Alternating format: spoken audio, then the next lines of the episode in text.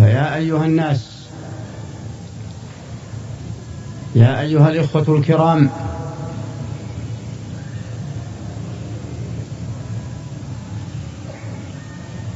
إن إن التقائي بكم هذه الليلة أعتبرها لي فرصة حظيت بها. نسأل الله أن يجمعنا على الحق في هذه الدنيا وبعد خروجنا منها يجمعنا في دار كرامته. هذا ما نرجوه من ربنا. والذي أرجوه من ربي سبحانه وتعالى أن يوفقنا جميعا لما يحبه ويرضاه. وأن يصلح نياتنا.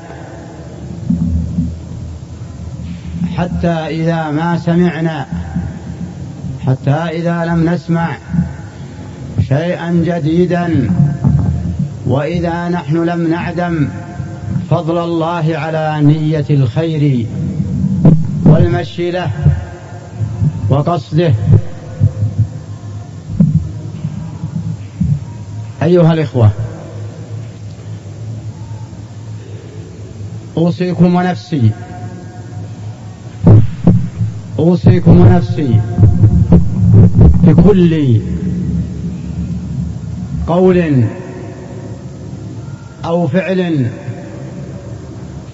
يقرب إلى الله. ويبعد ويبعدك يا أخي المسلم عن عدوك وعدو الله.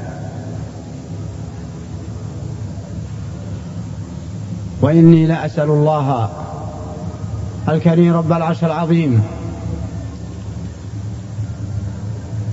أن يجعلنا وإياكم ممن إذا أعطي شكر. وإذا ابتلي صبر. وإذا أذنب استغفر. فهذه عنوان السعادة. هذه هي عنوان السعادة. وبلا شك أن هذه الأمور الثلاثة لا يحصل لا يتحصل عليها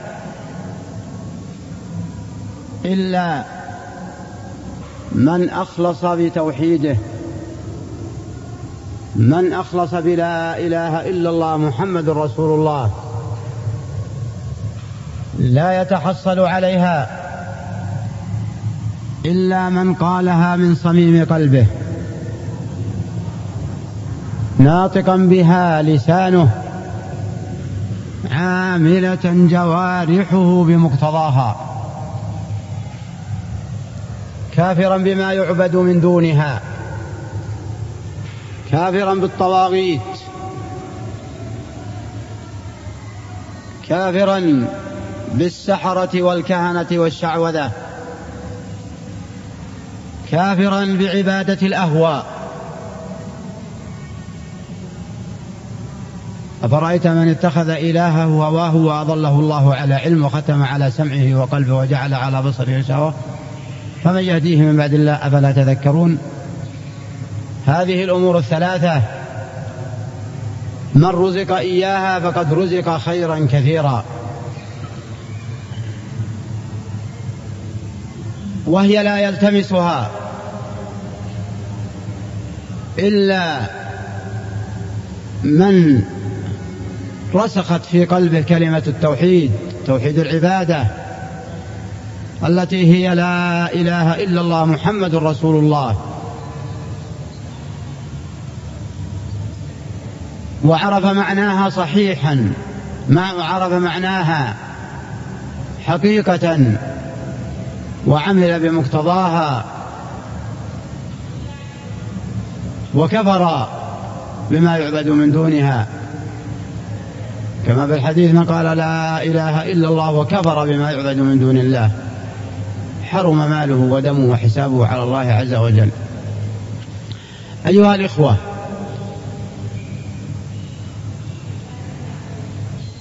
إنني لا أتكلم بجديد وإنما هو تذكير لنفسي ولكم. بشيء قليل قبل ما دام الأخ أشار إلى أن الجلسة ستكون لقاء مفتوح حتى تسنح الفرصة لمن عنده سؤال يكتبه ويقدمه. أقول هذا راجيا من ربي أن يوفقني للصواب. وأن يسدد خطاي وخطاكم. وإخواني المسلمين ثم أيضا أيها الإخوة حينما يقال لقاء أو استقبال الأسئلة ليس هذا يعني أن, أن أني أجيب عن كل سؤال. أنا أتكلم عن نفسي. فإن العالم عند العلماء الذي إذا أشكل عليه السؤال لم يجب إن عرف أجاب وإن لم يعرف قال لا أدري. هذا هو العالم عند العلماء. ليس العالم الذي يفرح بالسؤال ثم يتكلم به من قبل أن يتحقق. بل ويفكر بالسؤال أيضا. قد يكون السؤال من مسائل الشغب. فيصرف المسؤول الجواب إلى ما هو أفود إن قدر وإلا ترك. والذي تكلم بهذا العلماء السابقون في القرن الخامس ونحن الآن في القرن الخامس عشر. هم الذين وصفوا العالم الصحيح بهذه الأوصاف. هم الذين قالوا إذا سئل مسائل الشغب لأن الشغب قديم منذ وقت الخليفة عثمان رضي الله عنه وأرضاه. وقد ظهرت مسائل الشغب فكل ما لها بازدياد. كما قال عليه الصلاة والسلام لا يأتي زمان إلا والذي بعده شر منه. فلهذا رحمة الله عليهم علماء السلف تكلموا بهذا. قالوا إذا عرف العالم أجاب وإذا لم يعرف لم يجب وإذا عرف أنها من مسائل الشغب ليس بالضروري أن يجيب عليها.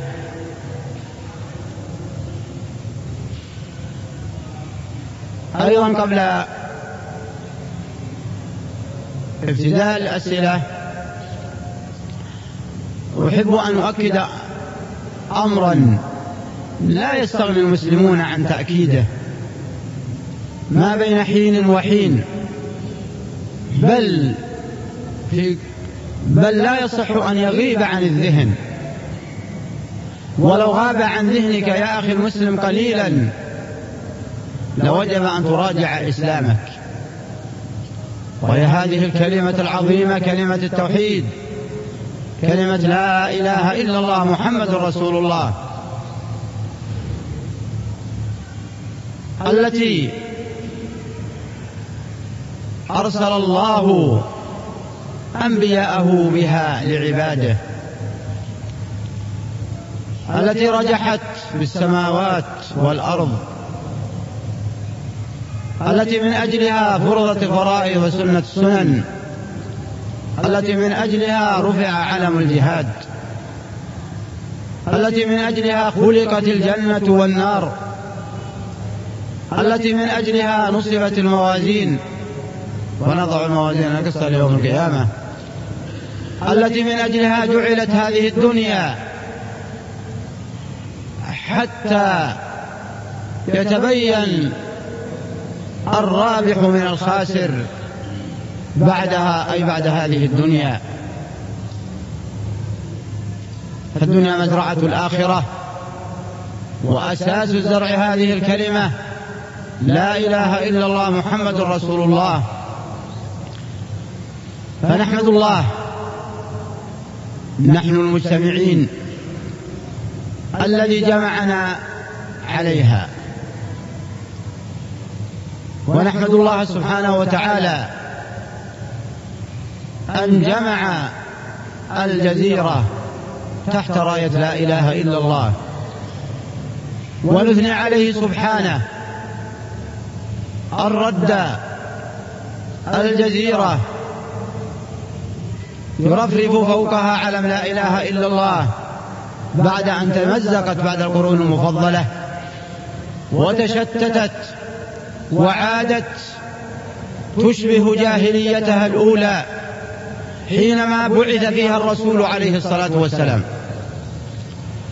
فأول ما بعث الرسول في جزيرة العرب من مكة كلكم تعلمون ذلك. بدأ بلا إله إلا الله. قولوا لا إله إلا الله. يعرضون عليه البنات والأموال وأشد المصالحات. ويقول قولوا لا إله إلا الله. فإن أجبتموني فهذا ما أمرت به وإلا فبيني وبينكم الله. فتشتتت الجزيرة. وعاد فيها نموذج الوحشية ونموذج الشعوذة بعد القرون المفضلة حتى جمعها الله تحت راية لا إله إلا الله محمد رسول الله على يد داعية مصلح وعلى يد معاون وسلطة قوية وهكذا شأن الدين من قديم. عزه بأن تجتمع القوتان.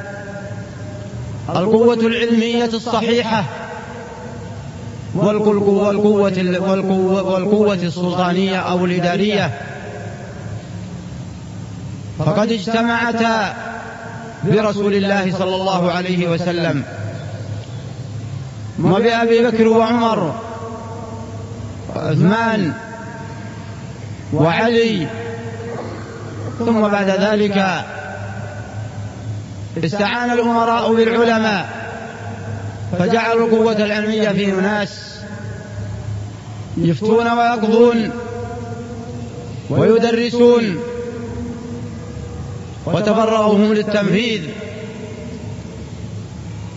فما أعظمها من نعمة إذا اجتمعت القوة المعنوية والقوة الحسية وبلسان عربي.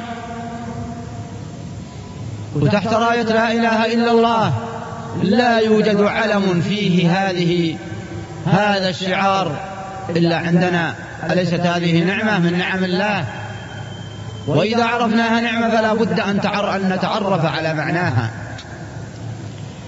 فما معناها؟ ثم نتمسك بالعمل بمقتضاها. لأنها الأصل ولو لم تكن الأصل ما أمضى عليها الرسول عليه الصلاة والسلام عشر سنين يدعو إليها. يغشى المجتمعات ويقول قولوا لا إله إلا الله. ويسلم الناس فردا فردا. وأوذي عليه الصلاة والسلام. ويقول مع ذلك اللهم اهد قومي. فإنهم لا يعلمون. وقيل له لما حصر الطائف ادع عليهم. قال اللهم اهدهم وأتيني بهم مسلمين. عليه الصلاة والسلام. هكذا هكذا أساس الدعوة الذي أسسه أفضل الأنبياء وخاتم الأنبياء وخليل رسول الله صلى الله عليه وسلم. فهو ثاني الخليلين إبراهيم ومحمد. ثم بعد ذلك يخرج من مكة. ويلتمس مكانا ينفسح فيه المجال لأصحابه. فيرسلهم للحبشة. ويقول تعبدوا بحيث لا يصيبكم أمر. ندعو الحبشة. نتكلم مع النصارى. لا اتركوهم. هكذا يا إخوان. هل الرسول عليه الصلاة والسلام يكره أن يكون الصحابة الحبشة يدعونهم يشاغبونهم يتكلمون عليهم. لكن الرسول ما ينطق عن الهوى. مشرع. لو فعلوا ذلك فلربما كان ذلك صدمة في هذه الدعوة. فاغتنم فرصة المجال بأن بأن يتعبدوا غير خائفين. ثم أذن الله له بالهجرة إلى المدينة. فتجمع الصحابة وقوي الإسلام فتتابعت الشرائع. تتابعت الشرائع. وإذا وإذا عرفنا بأننا بنعمة عظيمة وهي هذه الك... وهي وهي أننا تحت قيادة هذه الكلمة فلنحافظ عليها. لأنها هي الأصل. وإذا كانت هي الأصل فإنها أمرتنا بأمرين عظيمين أساسيين. أساسيين. إذا فقدنا واحدا منهما فقدنا هذا الكيان العظيم واهتز. نسأل الله السلامة. ما هما هذان الأصلان التي تأمرنا لا إله إلا الله محمد رسول الله به؟ التقوى والاجتماع. التقوى والاجتماع. هذان أمران عظيمان. جاءت الآيات والأحاديث وأقوال الصحابة والسلف الصالح بالحث على هذين الأمرين. لكن أجلها دلالة هذه الآية وهي قوله تعالى يا أيها الذين آمنوا اتقوا الله حق تقاته ولا تموتن إلا وأنتم مسلمون واعتصموا بحبل الله جميعا ولا تفرقوا. فمن الذي أمر بالتقوى؟ ومن الذي أمر بالاعتصام؟ بحبل الله؟ هل هم الكفار؟ هل تأتي للكفار من يهود أو نصارى أو شيوعيين أو أمريكان أو إنجليز أو غيرهم. أو مبتدعة بدعة تشط بهم عن طريق الصحيح تأتي لهم وتقول وتقول اتقوا الله. اجتمعوا. لو قلتها مئات الألوف وقلت لهم اجتمعوا. مئات الألوف ما نفع. قبل أن تأتيهم لا إله إلا الله. ولا ولا ولا يشبه عليك ما وجد من اجتماعهم. قد تقول هذا مجتمعون لا هذا اجتماع مؤقت. والقلوب شتى. وإن اجتمعوا فهو ليس إلى الله. وإنما اجتمعوا على مصالح دنيوية. والمسلم لا ينظر إلى المصلحة الدنيوية بل ينظر إلى ما يعمر به آخرته في هذه الدنيا. إذا لمن من الذي يقال له اتقوا الله؟ يقال للمؤمنين يا إخوان. للمسلمين. هو الذي تقول لهم اتقوا الله. ولهذا جاء الأمر بها كثيرا في القرآن. وجاء الكثير في القرآن لبيان ثمراتها ونتائجها. يا أيها الذين آمنوا إن تتقوا الله يجعل لكم فرقانا. ومن يتق الله يجعل له مخرج ومن يتق الله يجعل له من أمره يسرا. إذا هذه الآية يا أيها الذين اتقوا الله ولا تموتن إلا وأنتم مسلمون. استمروا على الإسلام. لا يكون عندكم تقوى تقوى لله ثم تعودوا.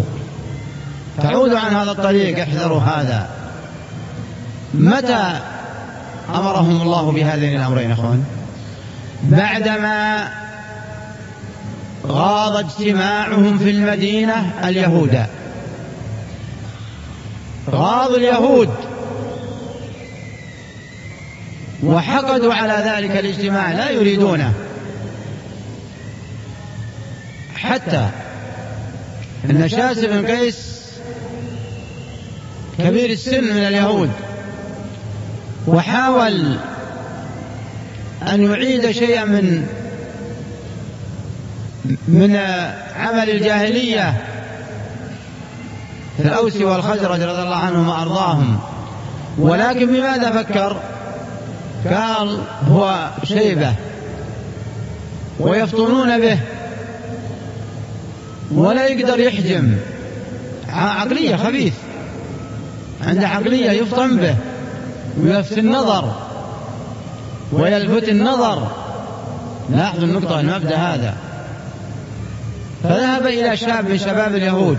شباب الشاب طايش دائما في الغالب. إذا تخمر في قلبه فكرة لا يبالي. ولهذا قالوا الواجب على الشباب أن تكون الصلة مع الكبار دائما وأبدا. لا يصح أن ينفكوا عنهم. ولا يصح للشباب أيضا أن يقصدوا البعد أو إبعاد الشباب. ما يصلح. انظر إلى هذا اليهودي شاس بن قيس. ماذا قال الشاب اليهودي؟ قال اذهب لهم وحاول أن أن تبعث في قلوبهم ما كان في الجاهلية. فأتاهم هذا الشاب وقال تعلمون وتعرفون ما أنتم عليه من من الحروب ومن الشجاعة ومن القتل. يوم معاذ كان أخذين مئات السنين 120 سنة وهم يتقاتلون. في يوم بعاث حرب البسوس. كلها الجزيرة كلها قتل وقتيل قبل بعثة الرسول عليه الصلاة والسلام فكان تحركت نعرة الجاهلية في الأنصار رضي الله عنهم وأرضاهم. فقالوا إن شئتم أعدناها جذعة. كيف الفتنة تشب بلحظة. فأخذوا سيوفهم فخرجوا للحرة. فأخذوا يندمون بدعوى الجاهلية وبنخوة الجاهلية. فعلم الرسول عليه الصلاة والسلام بهم فخرج يجر رداء ما تصرف يلبسه لأن الرداء الذي يلبس على الكتفين والإزار ليلبس على السرة. يجر رداءه ثم يقف عندهم خطيبا ويقول أبي دعوى الجاهلية؟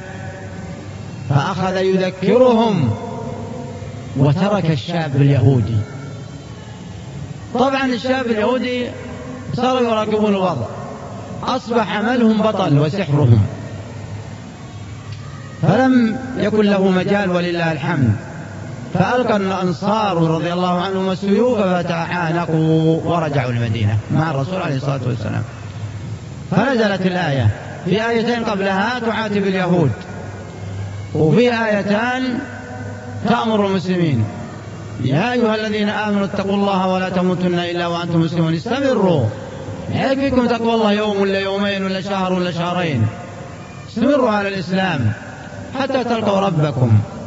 الأمر الثاني واعتصموا بحبل الله بدين الله. تمسكوا بدين الله جميعا.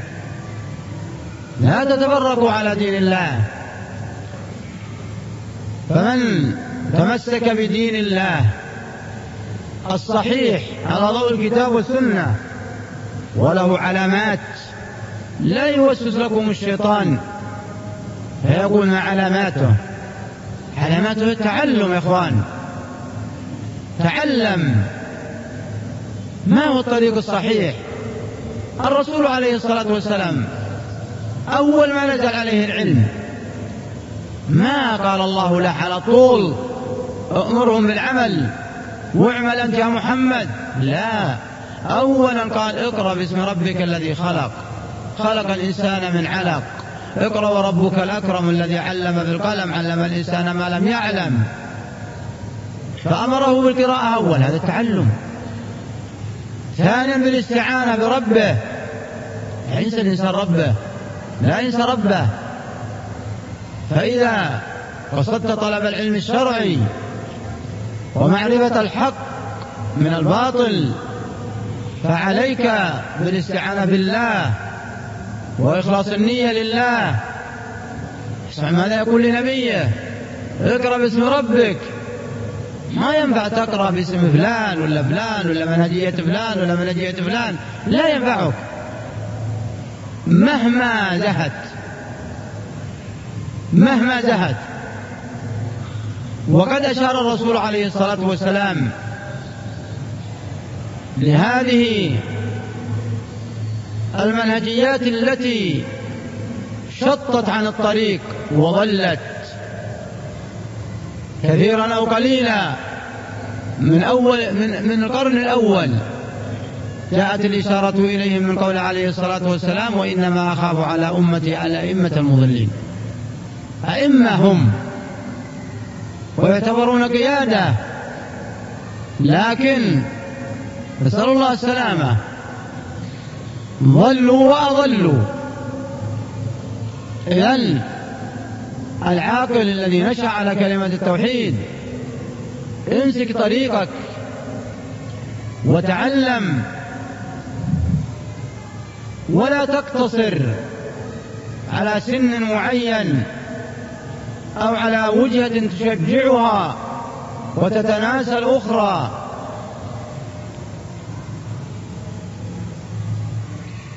واجعل محبة الخير في قلبك أصلا لكل واحد من الأمة. حتى الكافر حب حب له أن يسلم. لكن ما تعامل معاملة الإسلام حتى يسلم. أما وأن تصف نفسك بالدعوة وقد جمعت بين عدة مساءات منها صغر السن وليس صغر السن عيبا في الجملة. بل العيب مع صغر السن الذي لم يمكنك أن تتعلم. بل حملك الحماس والعاطفة لجانب ديني. لا تعلم. اقرأ باسم ربك الذي خلق خلق الإنسان من علق. اقرأ وربك الأكرم الذي علم بالقلم علم الإنسان ما لم يعلم. وطالب العلم الصحيح لا يقف دونه من صغير أو كبير بل إن لم يوقر الكبار فإنه قد يكون مآله الخسران. تعال ابن عباس يدعى ليدخل على مجموعة من سبعين فرجع. طبعا قبل بصرة. قال قالوا له ليش؟ لماذا؟ قال لا أجلس مع قوم ليس فيهم وقار. يعني ما فيهم شيء. وقصد ابن عباس ما شباب هو نفسه ابن عباس. وهو صغير أدناه عمر وقربه رضي الله عنهم على كبار الصحابة. على كبار الصحابة. لكن غالبا غالبا إن هذا ليست دلالة في الجملة خير إذا انعزلوا. إذا انعزلوا. الكبير ما تعدم فائدته إما علم أو تجربة. ابن عباس كان صغير وكان عمر يدنيه. رضي الله عن الجميع. فجاء ذلك في نفوس الكبار كونه يقرب أكثر من الكبار. مو كونه يجتمع معهم. أحس عمر بذلك فطرح عليهم السؤال إذا جاء نصر الله والفتح ورأيت الناس يدخلون في دين الله أفواجا فسبب حمد ربك واستغفره إنه كان توابا. الصحابة منهم من قال كذا منهم قال حجة الوداع منهم من قال طرح على ابن عباس قال ما أراه إلا أجل رسول الله صلى الله عليه وسلم. قال عمر هكذا لهذا أدنيته. ابن عمر صغير شاب. ومع الصحابة ومع الرسول مع أبي بكر وعمر. يطرح الرسول عليه الصلاة والسلام السؤال عليهم ما شجرة كالمؤمن؟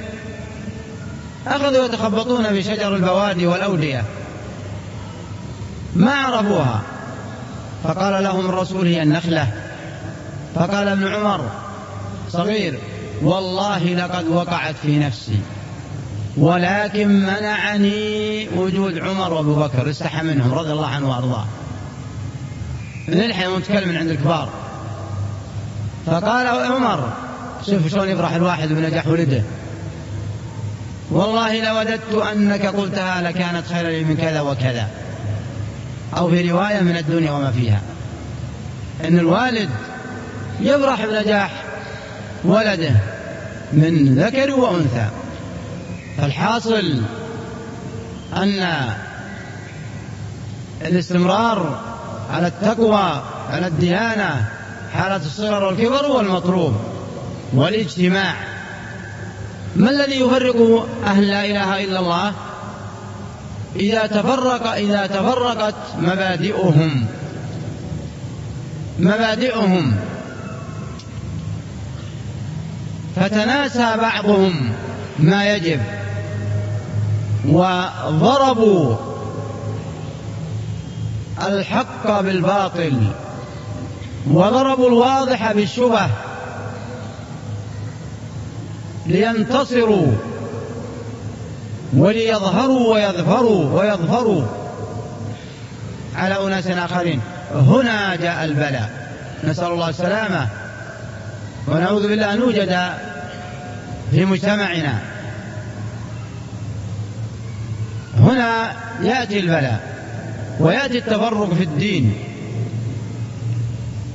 ولا تظنوا لا تظنون لا تظنوا بأن إنسان يريد فك يدك من لا إله إلا الله علنا.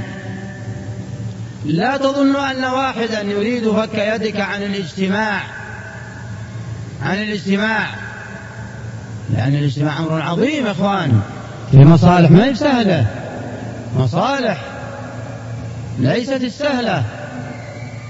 الاجتماع فيه إقامة الصلوات فيه إقامة الحج تحت إمام واحد فيه إقامة الحدود فيه إقامة الأذان فيه إقامة الجمعة والأعياد فيه مطاردة المجرمين والمفسدين. نسأل الله السلامة. إذا حصل فرض لص فرض يتسلط مثلا ليلة واحدة ينقز من بيت لبيت هذا يضرب وهذا يأخذ وهذا اضطربت الاجتماع ليس بالأمر السهل. ولا يحمل الذي يريد منهجا خاص. لا يحمله على حب الخير فيما قصده. لماذا؟ لأن الأمور لا بد إذا أردت أن تعالجها تعرفها من جميع أطرافها أن تعرفها من جميع أطرافها. فالمفسدة قد تدرى بالمفسدة ارتكاب مفسدة أصغر منها. المفسدة قد تدرى. المصلحة قد تترك أحيانا درءا للمفسدة الكبرى. درءا لمفسدة كبرى. قد يكون الناس فيما ظننته شر في طريقه للعلاج. كثرة الأسئلة نعم. في أسئلة نعم كثير الله يسلمك. طيب الأخوان لا يتنازل أحد عن سؤاله لأن إن شاء الله مستعدين لكن قلت قدامها تجتمع. على كل حال الذي يوصيكم به هذين الأمرين تقوى الله ومحبة الاجتماع. فأي نقطة تسبب افتراق سواء في الأسرة أنت أب وتأتي بكلمة بكلمة تزعل ابنك بغير حق أو تخدش كرامته ما لك حق. الابن ليش أمر الولد يطيع أباه إلا عن الافتراق؟ ليش الزوجة شدد عليها بأن تخضع وتطيع؟ لزوجها إلا مخافة الافتراق.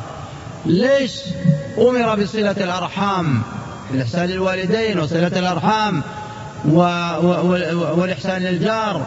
واليتيم والمساكين ليش أمر بطاعة ولي الأمر في طاعة الله إلا كل مخافة الافتراق؟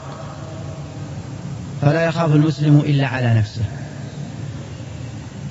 وأكرر شبهة من تمسك بديانة. الديانة الصحيحة لا تجعلك انتبه النقطة لا تجعلك تبغض علماء. الديانة الصحيحة لا تحملك على بغض ولاة الأمور. تدعي معصومين؟ ما أنا معصومين. تقول ولا تقعد؟ ما في عصمة إلا للرسول عليه الصلاة والسلام. ما في عصمة. الرسول قال الصحابة وروا وصلوا خلف المبتدعة خلف الفساق. وخلف الفساق أمر الرسول بطاعته بطاعة الله. نعم إذا قال لك الأمير تعال خذها البنية روح العب أنت وياها. روح اذنبها. قل لا اسمح لي. هذه اسمح لي. لكن تأمرني أحرس في البلاد تأمرني آه، غرض نجيبه تأمرني أصب لك قهوة أدني عشاك مستعد. يعني وظيفك المباحة. فالأمر اللي ما الأمر إذا أمر بمعصية كونه عاصي لا لا يحملك على أن تتسبب بالخلاف ولا يصح لك شرعا لأنهم على أنفسهم وخيرهم لنا. هكذا رسم لنا الرسول وراجعوا أخوان كتب العقائد وكتب الأحاديث. وأحسن من جمع الأحاديث في هذا الموضوع في هذا الموضوع جامع الأصول في المجلد الرابع الفصل الرابع أو الفصل الخامس. وجامع العلوم والحكم من رجب على حديث الثامن والعشرين. لازم يا أخوان من تعلم. فالذي يريد أن يسلك طريق دعوة أو يكافح عن دعوة أحب أن يدرس هذه واحدة نصيحة. النصيحة الثانية كل مسألة فيها إيقاع بينك وبين مسلم لا سيما القريب أو ولي الأمر احذرها. احذر الفرقة. نستدين بالله. ولهذا ولهذا قال الله تعالى لنبيه لو أنفقت ما في الأرض جميعا ما ألفت بين قلوبهم. شوف يا إخوان واذكروا نعمة الله عليكم إن كنتم أعداء فألف بين قلوبكم فأصبحتم من إذا ما الذي ألف؟ ألف هذا الدين. تجد فاسق وتقول يا أخي أنا يا رجال تترك المعصية. جزاك الله خير. والله يثيبك. وأستر عليك. ولا تشن عليه. ولا توصفه حتى يشعر الحاضر إن إنه يعرفه إنه يعرفه حاول. فالديانة لا بد من علم وإلا تكون على صاحبها وبال. نسأل الله سبحانه وتعالى أن يثبت الجميع على قوله الثابت. وأن يوفقنا لالتزام كلمة التقوى يا لا إله إلا الله وللكلمة الطيبة وهي لا إله إلا الله وهي القول الثابت هي لا إله إلا الله. افتأمل لا إله إلا الله. والله لو تأملها من قالها لردعته عن كل معصية وكل بدعة. لا إله كيف تقول لا إله إلا الله وتجي تدور بدعة؟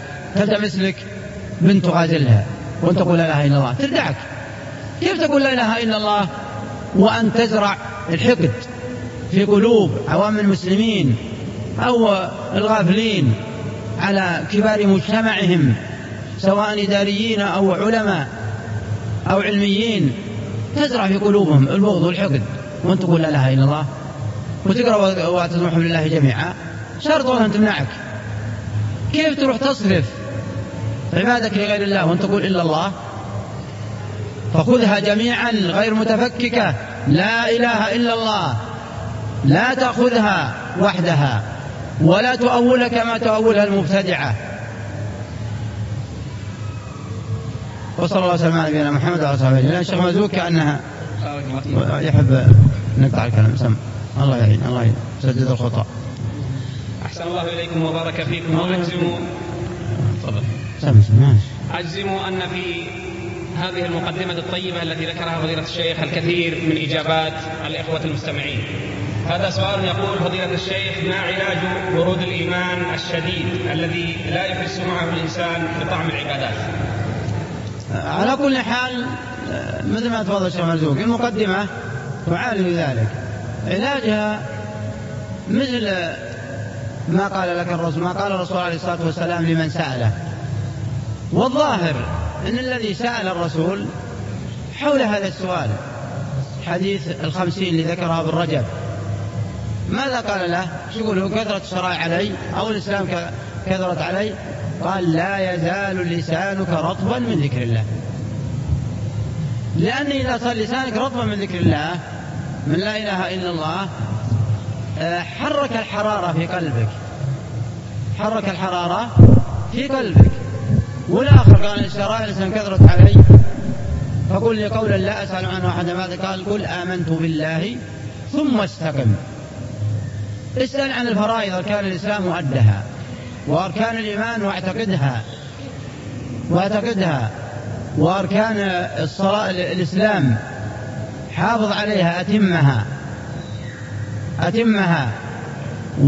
وعليك بسلامة الصدر على المسلمين. وحب الخير لأي فرد لأي لأي ذي نفس بل لأي مخلوق. حتى الشجر والحجر ما يرضى أنك تلعب به. استعمل في شيء ينفع ولا ما ما يظهر. يعني ما خلق ما خلقت المخلوقات لتعبث بها في في في هواك.